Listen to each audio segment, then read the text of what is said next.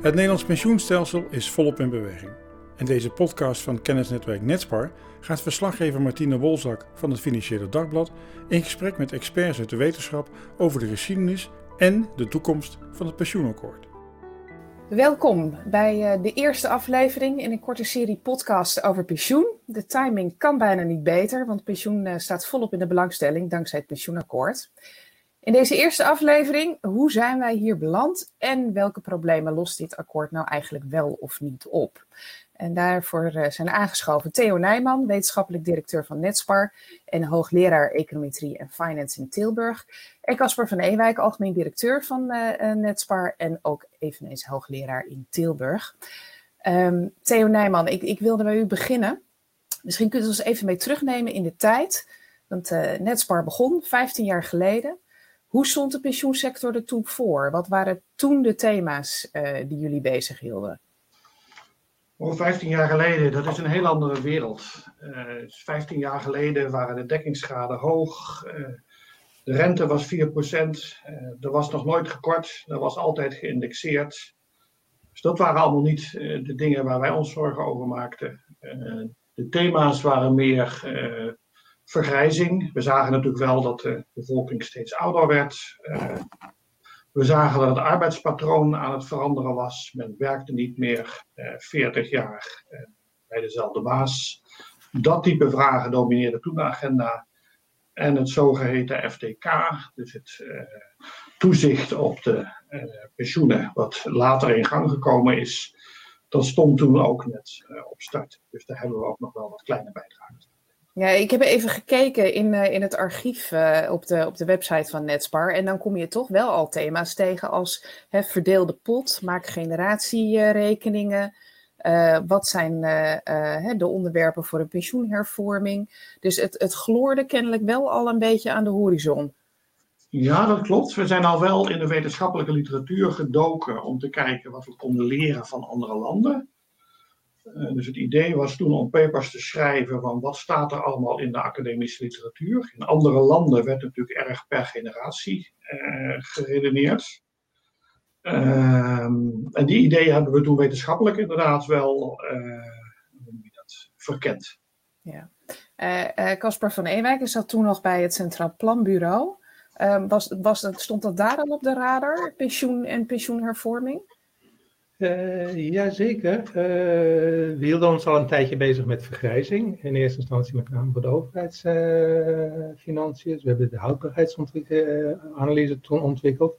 Maar het was natuurlijk ook wel de periode na het klappen van de eerste internetbubbel. in 2000 gingen de koersen omlaag.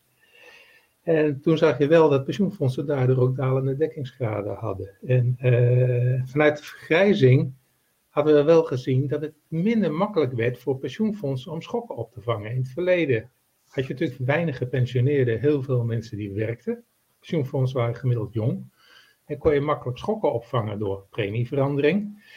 Het was ook nog de periode van de eindlonen. Uh, en uh, dat werd toen wel een vraag. Dus er was toen ook wel discussie. Ik kan me ook wel hoorzittingen in de Tweede Kamer toen al herinneren over uh, hoe lang hebben we met lage rente te maken eh, wat gaat dit betekenen voor de pensioensector. Een van de dingen die toen aan de orde was, was hoger middelloon. Uh, daarmee versterk je wel het sturend vermogen van pensioenfondsen. Uh, maar bij ons stond, we waren wel bezig ook met, ja, wat betekent nou die vergrijzing voor pensioenfondsen? Moet je toch niet gaan nadenken wat dat betekent als je minder makkelijk schokken op kan vangen. En we hebben al in 2004 toen een studie uitgebracht naar een schokbestendig pensioenstelsel. Wat waren de conclusies daarvan?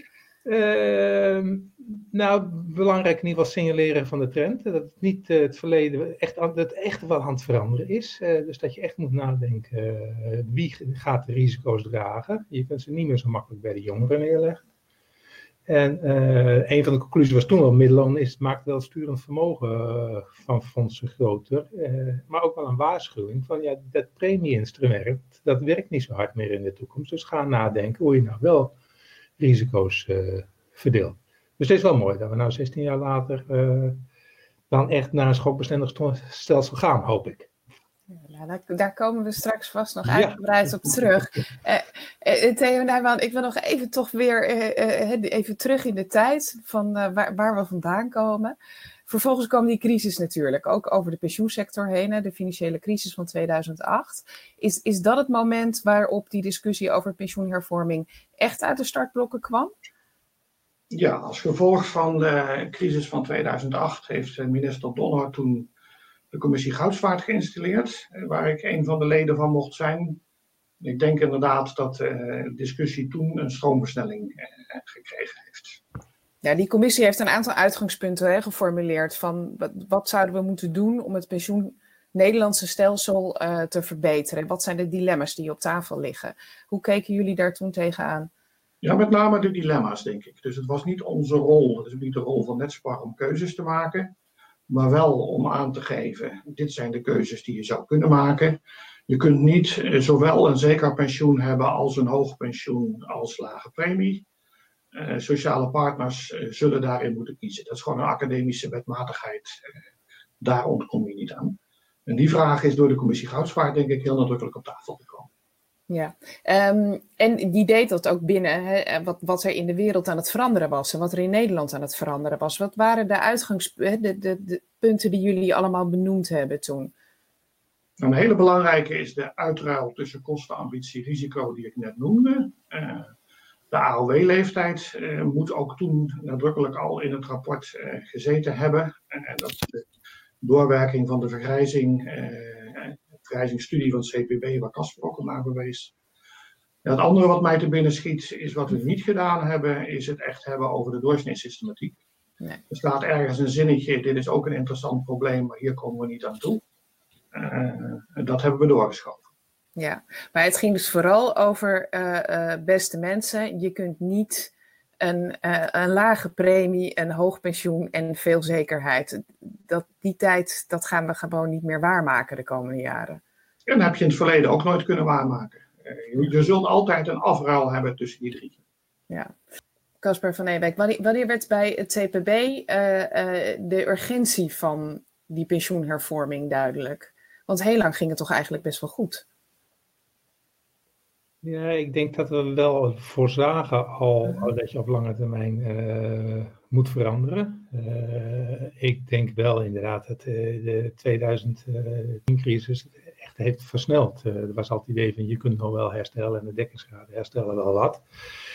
Maar dat je echt naar een wereld toe ging dat je jarenlang niet meer kon indexeren. En eigenlijk het hele idee van indexatie zo langzamerhand moest gaan loslaten. Uh, dat is inderdaad na 2010 uh, eh, gegroeid. Ja. In 2011 uh, eh, kwam vervolgens het idee voor het casino-pensioen op tafel. Tenminste, zo is dat in de wandelgangen gaan heten. Um, in, kunnen jullie aangeven in hoeverre dat een antwoord gaf op de dilemma's die inmiddels op tafel lagen? Nou, het casino-pensioen niet, want dat was nou niet de bedoeling om dat nou als oplossing te zien. maar dat was inderdaad, er lag een pensioenakkoord. Waarbij overigens, uh, dat ging ook over de AOW, dus de koppeling aan de pensioenleeftijd, aan de leeftijdsverwachting. En ook het flexibel maken van wanneer je met pensioen gaat. En ik denk dat dat weinig omstreden is. Er was toen wel discussie, uh, kunnen we vasthouden aan die garanties? Nou, de commissie Goudzwaard had goed laten zien, ja dat kan wel, maar dat is verschrikkelijk duur. Dus moet je niet gaan, anders gaan nadenken over uh, risico's in pensioenen. En dan was wel de angst toen, en dat is geframed als uh, casino-pensioen, dat je ontzettend verschillen tussen generaties gaat krijgen. Het een pech heeft en de ander geluk. Uh, en, uh, en, dat heeft toen uiteindelijk de discussie heel erg moeilijk gemaakt. en ook het akkoord, denk ik, doen sneuvelen. en daar hebben we de laatste jaren natuurlijk zijn er wel weer stappen gemaakt. Theo Nijman, dat, dat, het akkoord van toen, hè, van uh, bijna tien jaar geleden, bood dat oplossingen voor de dilemma's die er op tafel lagen vanuit jullie perspectief? Het akkoord misschien nog wel, eh, maar eh, de stemming binnen de FNV niet. Uiteindelijk heeft men daar geen keuze durven maken tussen die garanties, die kosten en die hoogte van uitkering. Ja, dan kies je voor een, een smaak die er niet is. En daar is uiteindelijk dat akkoord op gesneuveld, denk ik. En de smaak die er niet is, dat is de lage premie en hoog pensioen en zekerheid. Correct, ja. Ja, ja. Um, kunnen jullie even, misschien even voor de mensen die dit niet direct voor ogen hebben, wat was uh, de kern van het akkoord wat er toen lag? Aan de ene kant, hè, de AOW-leeftijd zou aangepast gaan worden, maar voor het pensioenstelsel zelf? Voor het pensioenstelsel zelf was toen het idee om te gaan werken met een andere uh, rekenrente, een zacht reëel uh, pensioen. Dus om een opslag te gaan rekenen, dus wel te blijven werken met uh, dekkingsgraden, maar een opslag te berekenen op die rekenrente, zoals het is gaan heten. waardoor je een wat andere aansturing zou krijgen van wel of niet indexeren. Dat was een van de kern. Ja. En dus een keuze voor zacht en niet voor garanties. Daar komt het woord casino pensioen op. Ja, en het bleef één collectief uh, hè, vermogen per pensioenfonds. En het is eigenlijk vooral de, de rekenrenteknop waaraan werd gedraaid. Het dat net, net, net als nu trouwens in het akkoord wat nu gesloten is, blijft het één collectief vermogen. Maar het was wel zo dat uh, de toerekening naar de individuele inkomens ook nog steeds bleef lopen eh, via de dekkingsgraad. Dus voor iedereen gelijk. Dat is een heel groot verschil met het akkoord wat er nu ligt. Ja. De, uh, hebben we vervolgens, dit is mislukt hè? Uh, het draagvlak bleek er uiteindelijk niet te zijn. Um, en een paar jaar later is er een net andere weg ingeslagen. De persoonlijke pensioenvermogens. Ook na een uh, onder andere verkenning vanuit uh, de SER. Um, Theo Nijman, daar, daar, daar, daar was u ook nauw bij betrokken. Wat was de essentie daarvan? De kern daarvan was denk ik allereerst dat mensen weer bereid waren naar elkaar te luisteren. Want het pensioenlandschap was ontzettend verdeeld. Dus vanuit Netspar hebben we mensen die al in anderhalf jaar niet met elkaar meer gesproken hadden, elkaar aan tafel gekregen. En uh, hebben we meters gemaakt om wel uh, met elkaar af te stemmen. Om op te schrijven waar ze het over eens waren, waar ze het niet over eens waren. En om heldere keuzes uh, voor te leggen aan sociale partners. Keuzes zoals wie vindt u nu dat de belangrijke beslissingen zou moeten nemen, zoals de premie en het beleggingsbeleid. welk deel van de premie mag eventueel ten gunste van een andere deelnemer zijn, uh, hoe zeker moet het pensioen zijn, al dat soort vragen. Er werd duidelijk dat er heel veel knoppen zijn waar je uit kunt kiezen. En we hebben dus bouwstenen aangeleverd um, die het sociale partners mogelijk maken om uh, daarin te shoppen. Ja, um, die bouwstenen, daar, daar is een heel bouwwerk uiteindelijk wel van gebouwd. Maar uh, dat, hebben wij, dat is nooit onthuld, laten we het zo maar uh, uitdrukken. Het heeft niet uiteindelijk geleid tot een definitief uh, een uitgewerkt akkoord, zoals het akkoord wat er nu ligt. Ik denk dat de bouwstenen die we toen hadden nog wel. Er zijn nog wel in de afgelopen twee, drie jaar nog wel bouwstenen bijgekomen. De bouwstenen toen waren niet zo heel erg anders. Maar het klopt dat er toen inderdaad ook een huis gebouwd is uh, van ongeveer diezelfde bouwstenen. Uh, wat uiteindelijk niet stevig genoeg bleek te zijn om, om daadwerkelijk in te, om aan te worden. Casper, ja. uh, van de Ewijk, in hoeverre was um, dat, dat nieuwe, hè, dat persoonlijk pensioenvermogen nou echt een, een grote stap voor het Nederlands pensioenstelsel? Om op die manier er tegenaan te gaan kijken? Nou, dat, was wel een grote stap en misschien achteraf een te grote stap. Uh, het idee was, uh, dan kunnen we van de rekenrente af. Uh, dus we laten de garanties los en we gaan meer naar het bijhouden van vermogens van mensen. maar er zat ook wel de associatie in van het wordt heel erg persoonlijk. Dus iedereen zijn eigen potje. En dat lijkt dan minder collectief. En ik denk dat wel een belangrijk punt is geweest waarom dat huis uiteindelijk niet bewoond is uh, geraakt. Er, liepen natuurlijk een paar discussies binnen de SER. Uh, nieuw was inderdaad ten opzichte van de commissie Goudswaard afschaffen van de doorsnee-systematiek. Dus het idee van het, het, moet toch wat beter aansluiten bij de ontwikkeling op de arbeidsmarkt. Je moet je pensioen wat makkelijker mee kunnen nemen van de ene baan naar de andere. Uh, daar is ook wel een discussie. Moet je niet iets meer maatwerk uh, voor mensen erin hebben? Misschien iets meer keuze. Uh, dus het persoonlijker maken. Nou, daar waren de meningen wat meer over verdeeld. de vraag was in, hoe, groot, hoe groot deze stap was voor Nederland. Want wij komen natuurlijk uit een heel collectief stelsel. Ja, die, die, was dus inderdaad iets te groot, denk ik, omdat het iets te, te veel individueel werd. En uh, in Nederland wel heel erg gehecht aan het, collectieve zijn, aan risicodeling met z'n allen. En, uh, en ook wel een angst dat inderdaad de een erop vooruit gaat en de ander erop achteruit gaat. Dus het idee van pech- en verliesgeneraties. Uh, dat was voldoen, onvoldoende uitgewerkt in, in, bij die individuele potjes. Dus, Theo Nijman, die angsten, waren die terecht? Kwamen die ook uit de cijfers en uit het onderzoek wat gedaan is in die periode? Het idee van persoonlijk pensioen is met name geweest om bouwstenen aan te dragen waar je allerlei huizen van kunt bouwen. Uh, in de publiciteit is daar nog wel eens een karikatuur van gemaakt, alsof het een pot zou zijn die leeg zou kunnen raken, alsof het een pot zou zijn die je helemaal uh, alleen kunt beheren en de beleggingsbeslissingen zelf moet uh, gaan nemen. Dat is in ieder geval niet uh, wat er ooit mee beoogd is. Zo had het ook ingevuld kunnen worden. Het zijn alleen maar bouwstenen. ik denk dat het een, belangrijke rol gespeeld heeft in de richting van het akkoord zoals het er nu komt. Maar door de bouwstenen op een andere manier op te stapelen dan in de publiciteit in de afgelopen jaren ook al gebeurd is. Ja, nou, laten we dan inderdaad kijken naar het akkoord wat er nu uh, voor ligt, hè, de teksten die er inmiddels bekend zijn. Um, als je dat nou vergelijkt met alle ideeën, voorgaande ideeën, uh, hoe, hoe, anders is dan het plan wat er nu ligt? Nou, ik denk de belangrijke winst is uh, dat het het collectieve heel duidelijk benadrukt. En daarmee ook een garantie geeft dat iedereen er evenveel op voor en op achteruit gaat. Kijk, er zijn nu helemaal risico's. Uh, als je kapitaalgedekte pensioenen hebt, dan ben je afhankelijk van de rendement op de financiële markt. Dat kan je niet voorkomen, die lopen we met z'n allen. Of je moet heel veilig gaan beleggen, maar dan heb je geen pensioen meer over. Uh, wat je wel voor moet zorgen is dat je dat eerlijk deelt.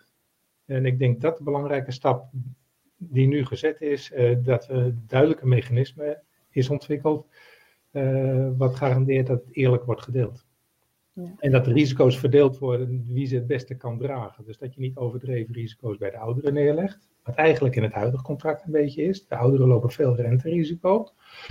En uh, dat kun je beter uh, verdelen in het nieuwe contract. Dus het is echt ook wel een verbetering ten opzichte van het huidige contract. Ja. En Theo Nijman, ik, ik, je ziet nog wel steeds mensen teruggrijpen op hè, die ideeën van de afgelopen jaren. Um, hè, of dat hele collectieve en de rekenrente aanpassen, of juist het hele persoonlijke. Uh, als je kijkt naar, naar dit nieuwe akkoord, zit dat er dan ergens tussenin? Is het iets heel anders? Nee, ik denk inderdaad dat het, uh, het is opgebouwd uit vergelijkbare stenen, uh, waarmee het inderdaad daartussenin zit. Dus het heeft een boel collectiviteit, zoals Casper ook aangeeft, risicodeling met de toekomst, maar ook uh, maatwerk. Dus ik vergelijk het bestaande pensioencontract wel eens als het uh, geven aan iedereen van schoenen van maat 42. Nou, het is geweldig als iedereen in precies dezelfde situatie zou zitten. Maar we leven nou een keer met mensen met voeten maat 36 en andere mensen met maat 45. In het nieuwe contract is uh, met name de hoeveelheid renterisico die je geeft aan jongeren ten opzichte van ouderen, dat kun je instellen. Dus in deze analogie je kunt iedereen schoenen geven van de maat van hun voeten. Dat kost je helemaal niks. Dat is precies even duur. Maar het zit wel een heel stuk lekkerder. Dat is welvaartswinst, noemt een econoom Ja. Misschien even een, een stapje terugzetten. Want um, aan het, hè, je zei, in het begin was het... je kunt niet en een lage premie en een hoog pensioen en zekerheid hebben. Uh, ja. Aan welke knop wordt nu in dit contract gedraaid? De zekerheid al voor 25-jarigen, of de illusie van zekerheid al voor 25-jarigen, die wordt nadrukkelijk losgelaten. Uh, ik zeg er ook nadrukkelijk bij illusie, want het uh, contract zoals we dat hebben was natuurlijk niet helemaal, in, niet helemaal consistent. Er werd gesuggereerd dat het garanties waren, terwijl er in werkelijkheid een boel beleggingsrisico gelopen werd, uh, die de levensverwachting natuurlijk ook niet kent. En zo zijn er nog wel meer onzekerheden. Ja. Wat ik nou wel benieuwd ben, is hadden we uh, 15 jaar geleden dit ook kunnen bedenken? Of is er in die 15 jaar echt een ontwikkeling geweest in het denken in Nederland over pensioen die het mogelijk gemaakt heeft om nu hiermee te komen? Ja, dat is een moeilijke vraag. Wat had je 15 jaar geleden ook kunnen bedenken? 15 jaar geleden was er nauwelijks pensioenwetenschap in Nederland. Dus ik denk dat een van de verdiensten van Netspar is geweest dat eh, meer mensen zich zijn gaan interesseren in de pensioenvragen. Waarbij de actualiteit natuurlijk ook geholpen heeft. Dat het eh, allemaal veel uh, spannender werd. Voor de acceptatie uh, staat ook in de hoofdlijnennotitie die inmiddels beschikbaar is dat er twee dingen nodig zijn. Uh, mensen moeten de urgentie voelen om over te gaan naar een nieuw stelsel. En ze moeten het gevoel hebben dat ze er zelf beter van worden. Nou, die urgentie die is nu nog veel duidelijker dan die in de afgelopen jaren was. Dus uh, dat is misschien ook wel een indicatie dat dit niet heel makkelijk geweest zou zijn om dat, dit al in eerdere jaren uh, tot stand te brengen. Casper ja. uh, van Ewijk, jij zei net hè, um, dat je, nou, je behoorlijk tevreden klonk je over de, uitkomsten van dit compromisakkoord. Denk je dat we echt een stap vooruit zetten nu? Ja, dat denk ik zeker. Uh, want ik denk dat met dit stelsel kunnen we wel weer even vooruit. Het ging natuurlijk al steeds om, en dat inzicht is niet nieuw, van we moeten met die risico's omgaan. En dit biedt daar wel eindelijk een oplossing voor. Dus met dit stelsel kan je naar de toekomst. het is in ieder geval weer robuust. Kijk, ik vind ook een pensioenstelsel moet je ontwerpen. bijvoorbeeld die jongeren die nu instromen, die zitten nog de komende nou ja, pak een beet, uh, 65 jaar, 70, 80 jaar in dit pensioenstelsel. Je moet een stelsel hebben wat met de toekomst om, om, kan gaan. Nou, we weten, de vergrijzing gaat nog even door. Die bereikt zijn piek in 2040.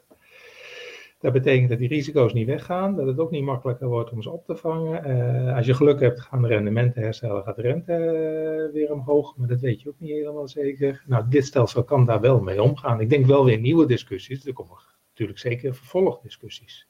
Uh, ja. Maar met dit stelsel kunnen we, denk ik, in zijn structuur heel goed uit de voeten. Ja, um, ik we hebben het over dit stelsel. En eigenlijk uh, is de bedoeling hè, dat er straks een keuze komt uit twee pensioencontracten voor pensioenfondsen. Eén daarvan is nu maar het nieuwe contract gaan heten. En dat is het contract waar de meeste discussie over is. Uh, waar de collectieve elementen in zitten, de solidariteitsbuffer, waar, de reserve waar we meer over gehoord hebben. En de andere kant is een toch meer traditioneel persoonlijk potje, de wet verbeterde premieregeling, waarbij je een echt individuele pot hebt. Als we nou eens even bekijken naar dat nieuwe contract. Um, daar bouwen mensen hun vermogen op, hè, met premie, uh, de rendementen daarop, in een aandeel, een eigen aandeel in het collectieve vermogen. Maar hoe persoonlijk is dat aandeel nou eigenlijk? Hebben jullie daar al een beeld van? Is dat echt je eigen potje? Nee, het is niet je eigen potje. Ik denk dat ook de belangrijkste bijdrage is, is, is van, van, van, van deze uitwerking. Het is uh, een aandeel wat bepaalt hoeveel risico je krijgt. En wat ook uh, aangeeft hoeveel je hebt opgebouwd. Maar je kunt niet zeggen van, hé, hey, uh, ik heb hier zoveel staan, uh, laat ik er eens wat leuks mee gaan doen. Het is echt het aandeel in het collectief. We beleggen met z'n allen. maar we zorgen wel dat de risico's die, die met z'n allen lopen, dat die fair worden verdeeld. Maar het is, het is absoluut niet persoonlijk in de zin van, het is mijn eigendom. Nee, je bent deelnemer aan, aan, aan, een pensioenfonds en dat is collectief. En dat is maar goed ook, want we delen risico's. Dus je moet ook niet hebben dat uh, de slechte risico's gaan zeggen van nou het komt mij even niet uit en ik, uh, ik vertrek. Er zit hele grote winst in, het, het collectieve en het delen van risico's. Ja, het is dus niet persoonlijk in de zin van dat je ermee kan doen wat je wil. Hè, zoals een Amerikaanse 401k, waar je, je gewoon je geld uit kan trekken en ervan op vakantie kan gaan als je dat zou willen. Maar uh, Theo Nijman, is het wel persoonlijk in die zin dat iemand anders niet jouw vermogen op kan maken? Ja, laat ik eerst even corrigeren wat je zegt over 401k. Uh, dat is niet helemaal waar. Je kunt, als je het één keer ingelegd hebt in de Verenigde Staten, het er niet maar zomaar uithalen. Er zijn dus allemaal wel allerlei leakage hoor. Dus als je naar een andere werkgever gaat, dan kan er wel van alles en nog wat. Dus uh, het een en ander klopt wel. Is het, is het wel persoonlijk in die zin dat een ander niet meer in jouw potje kan? Ja. Uh, dus alle keuzes die jij maakt uh, zijn uh, actuarieel fair. Dus je eigen potje krijgt, daar kan iemand anders niet meer in. En het, de toedeling van collectieve rendementen is ook zo dat iedereen gelijke fluctuaties krijgt in te verwachten pensioen. En dat regelt het pensioenfondsbestuur in. Dat is niet een individu dat dat voor zichzelf doet. Nee, die collectieve rendementen, die toedeling wil ik zo nog even over hebben. Maar als je uh, nog even terug naar het potje. Want er wordt vaak geroepen, ja, dat projectierendement, wat ook een onderdeel is van het nieuwe contract, hè, waarmee je een, een verwachting voor je pensioenuitkering kunt uh, communiceren of uiteindelijk ook de hoogte van je pensioenuitkering kunt berekenen. Uh, ja, dat gaat gewoon hetzelfde effect hebben als de rekenrente. En daar gaan we dezelfde discussies over hebben als de rekenrente. Hoe kijken jullie daar tegenaan? Nou, het grote verschil is dat een ander projectierendement bepaalt wel hoe snel je je eigen potje eh, leeg eet. Maar dat is niet eh, nadelig voor andere groepen in het pensioenfonds. En dat in de huidige rekenrente uh, is dat het kernargument om, uh, wat mij betreft, om niet maar zomaar de rekenrente te verhogen. Casper van Ewijk? Ja, het projectierendement geeft aan welk pensioen je kunt halen met het jouw toegewezen vermogen, zeg maar. En een verandering in dat rendement heeft consequenties voor jouw verwachte pensioen, maar leidt niet tot dat er geld uit mijn potje wordt genomen en bij iemand anders erin wordt gestopt. En dat was bij de rekenrente was dat wel. Rekenrente was met name een instrument om uit het potje van de een, uit het vermogen van de een, over te hevelen naar iemand anders. En daarom was dat altijd politiek zo gevoelig. De discussie over rekenrente is voortdurend ook een discussie over verdeling tussen generaties. Nou, daar ben je met die projectierente helemaal uh, vanaf. Ja. En het voordeel is om het wel in je noem het liever niet potjes, maar je hebt wel een soort garantie. Je, je hebt een boekhouding in vermogen. Dus als jij van baan verandert, of als jij uh, zegt: Ik wil toch bijvoorbeeld uh, een lump sum opname doen. Nou, dan is de administratie daarvan gaat allemaal van je eigen vermogen af, niet van iemand anders. Dus je bent niet afhankelijk van dat soort gedragingen van iemand anders. Hetzelfde is natuurlijk ook als je zegt: Ik ga later met pensioen dan uh, krijg je tot slot krijg je een hoger pensioen, maar dat wordt gewoon keurig omgerekend, gegeven jouw vermogen. Dus in die zin zijn er geen onbedoelde overdrachten naar anderen van het gedrag van de een. Ja, ik denk wat voor veel mensen een heel moeilijk te bevatten onderdeel is, dat is hè, waar jullie het al over hadden, de toedeling van de rendementen. Uh, dat klinkt heel abstract en willekeurig voor.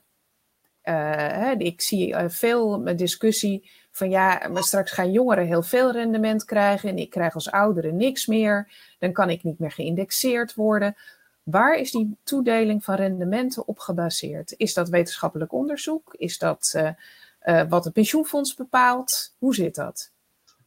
De keuze is uiteindelijk aan het pensioenfondsbestuur hoe men die rendementen wil toedelen. Uh, maar er is inderdaad een uitgebreide academische literatuur wat daar verstandig is. Het bijzondere aan het huidige stelsel is dat als er gekort zou moeten worden, uh, dat uh, we denken dat dat voor iedereen met hetzelfde percentage gaat. Maar het gaat met hetzelfde percentage van het al opgebouwde pensioenvermogen. Nou, dat is voor iemand die vijf jaar gewerkt heeft, betekent dat vrijwel niks. En iemand die al 35 jaar gewerkt heeft, krijgt een enorme klap in zijn te bereiken pensioen. En dat zie je bijvoorbeeld ook aan het aantal jaren wat hij of zij extra zou moeten werken om het nog weer goed te maken. En een variant waarin het pensioenfondsbestuur het voortaan zou kunnen invullen, is het zo inregelen dat fluctuaties in te bereiken pensioen voor alle leeftijden gelijk zijn. Als je geïsoleerd alleen maar kijkt naar het al opgebouwde bedrag aan het pensioen, dan betekent dat een verschil in fluctuaties in het al opgebouwde pensioen. Maar dat doe je juist omdat je dezelfde fluctuaties wil krijgen in te bereiken pensioen. En dat laten we nu niet zien aan de deelnemers. Maar daar zitten nu uh, de grote klappen. Ja, en, en de omrekening, het tweede deel van de vraag was, betekent dat iemand anders de rendementen krijgt? Uh, dit is inderdaad, komt uit de economische literatuur. Het zorgt ervoor dat degenen die het risico dragen ook de beloning krijgen. Dus het is inderdaad zo dat jongeren in verhouding tot hun aanspraken meer risico gaan krijgen, maar niet, tot hun aanspraak, niet in relatie tot hun pensioen. Uh, jongeren hebben nog heel veel verdienvermogen. Uh, ga, uh, en daar hou je ook rekening mee. Dus zij kunnen veel makkelijker omgaan met een risico, met een verandering in hun aanspraak. En door het zo inricht, in te richten dat de beloning ook terechtkomt bij degene die het risico draagt, heb je geen onbedoelde overdrachten. Wat vinden jullie het belangrijkste probleem dat hierdoor wordt opgelost? Door het stelsel straks op deze manier in te gaan richten? Dat je van de discussie tussen generaties af bent. Uh, en de discussie over de rekenrente. De rekenrente klinkt allemaal heel logisch. Ik vind het een verschrikkelijk debat. Uh, het is veel ingewikkelder dan mensen denken. En uh, er is heel veel verwarring over. Maar het is met name gewoon een politiek debat geworden. En die gaat eigenlijk alleen over de verdeling tussen jong en oud. Nou, ik denk als je dat nu één keer goed regelt, uh, dan zijn we daar in de toekomst vanaf. Theo Nijman? Ja, want dat is, als ik er één zou mogen noemen, dan uh, zeker ook deze. We zijn af van de rekenrente. Er zijn er natuurlijk nog wel meer te verzinnen. de doorsneesystematiek wordt afgeschaft. Dat kan eerder geïndexeerd worden. Eh, als je me nog even de tijd geeft, bedenk ik er nog wel een paar. Maar de belangrijkste is zonder meer afscheid van dat conflict tussen die generaties, wat iedere keer weer opkomt rond die rekenrente en ook rondom het beleggingsbeleid. En nu hebben we de, uh, ook daar in, in, potentie een tegenstelling en door te gaan denken in termen van gelijke fluctuaties in te verwachten pensioen, zijn we ook dat kwijt. Dat is het verhaal van Schoema 42. Ja, um, toch, eh, die rekenrente-discussie is nog niet afgesloten. Het pensioenakkoord uh, moet nog door de Tweede Kamer. Het politieke debat zal nog volgen. Er zijn nog steeds politieke partijen die zeggen: dit is eigenlijk een veel makkelijker, simpeler oplossing. Hoeven we niet het hele stelsel voor te verbouwen. Geen ingewikkelde administraties in uh, aandelen van vermogen. Um, en er is geld genoeg. We kunnen dit risico prima dragen. En de rekenrente verhogen. De gemiddelde rendementen zijn hoog genoeg. Ja, dat zou heel nadelig zijn eh, voor de jongeren. Dus als de oplossing dan toch zou zijn, we verhogen gewoon de rekenrente, dan wordt daarmee uh, vergeten dat uh, de jongeren daar uh, zwaar de dupe van zijn, omdat dat betekent dat er in de toekomst veel minder geïndexeerd zal gaan worden.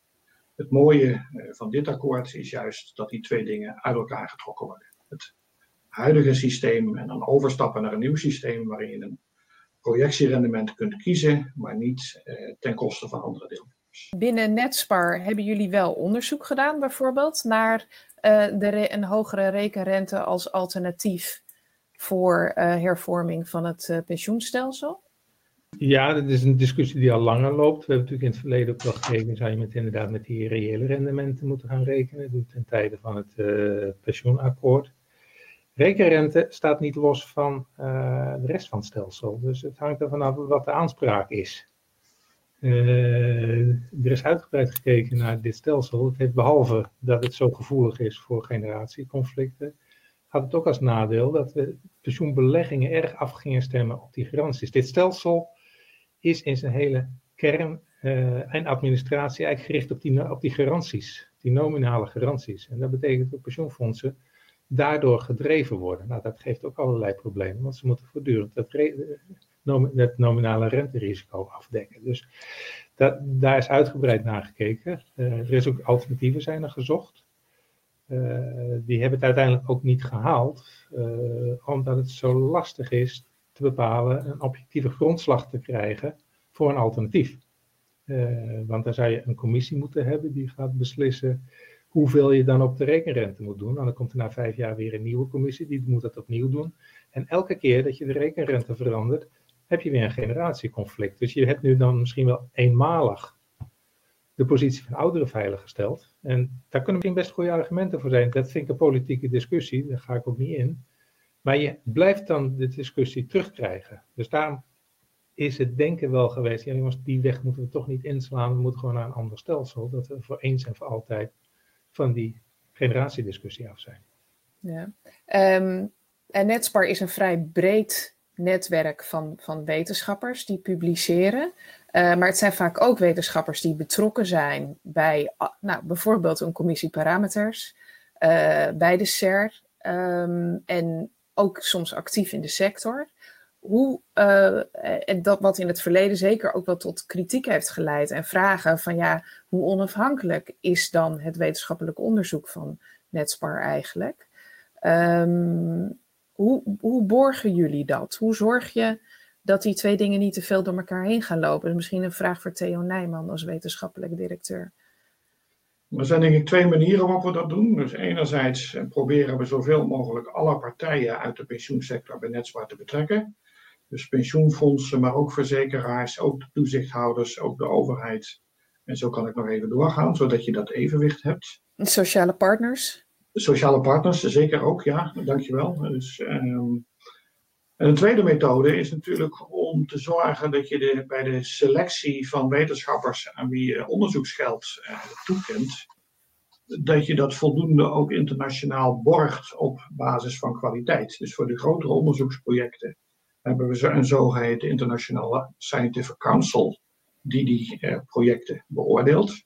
En ook voor de kleinere projecten hebben we een uh, redactieraad zeg maar, van wetenschappers en mensen vanuit de sector die uh, papers beoordeelt of ze kwalitatief goed en uh, evenwichtig zijn voordat ze gepubliceerd worden.